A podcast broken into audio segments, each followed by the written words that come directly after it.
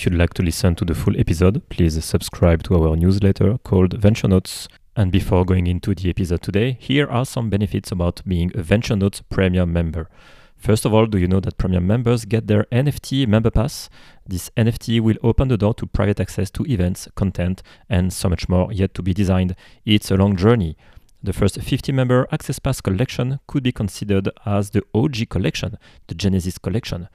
And second of all, Premier members are also invited to join our early stage startup syndicate called Olive Capital, where we mostly support pre seed to Series A startups in the EU and in the US in B2B SaaS, crypto, and consumer tech.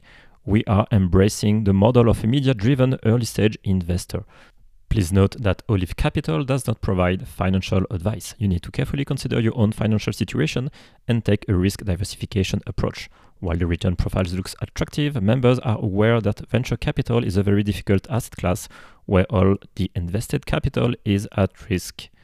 And now let's move into the show.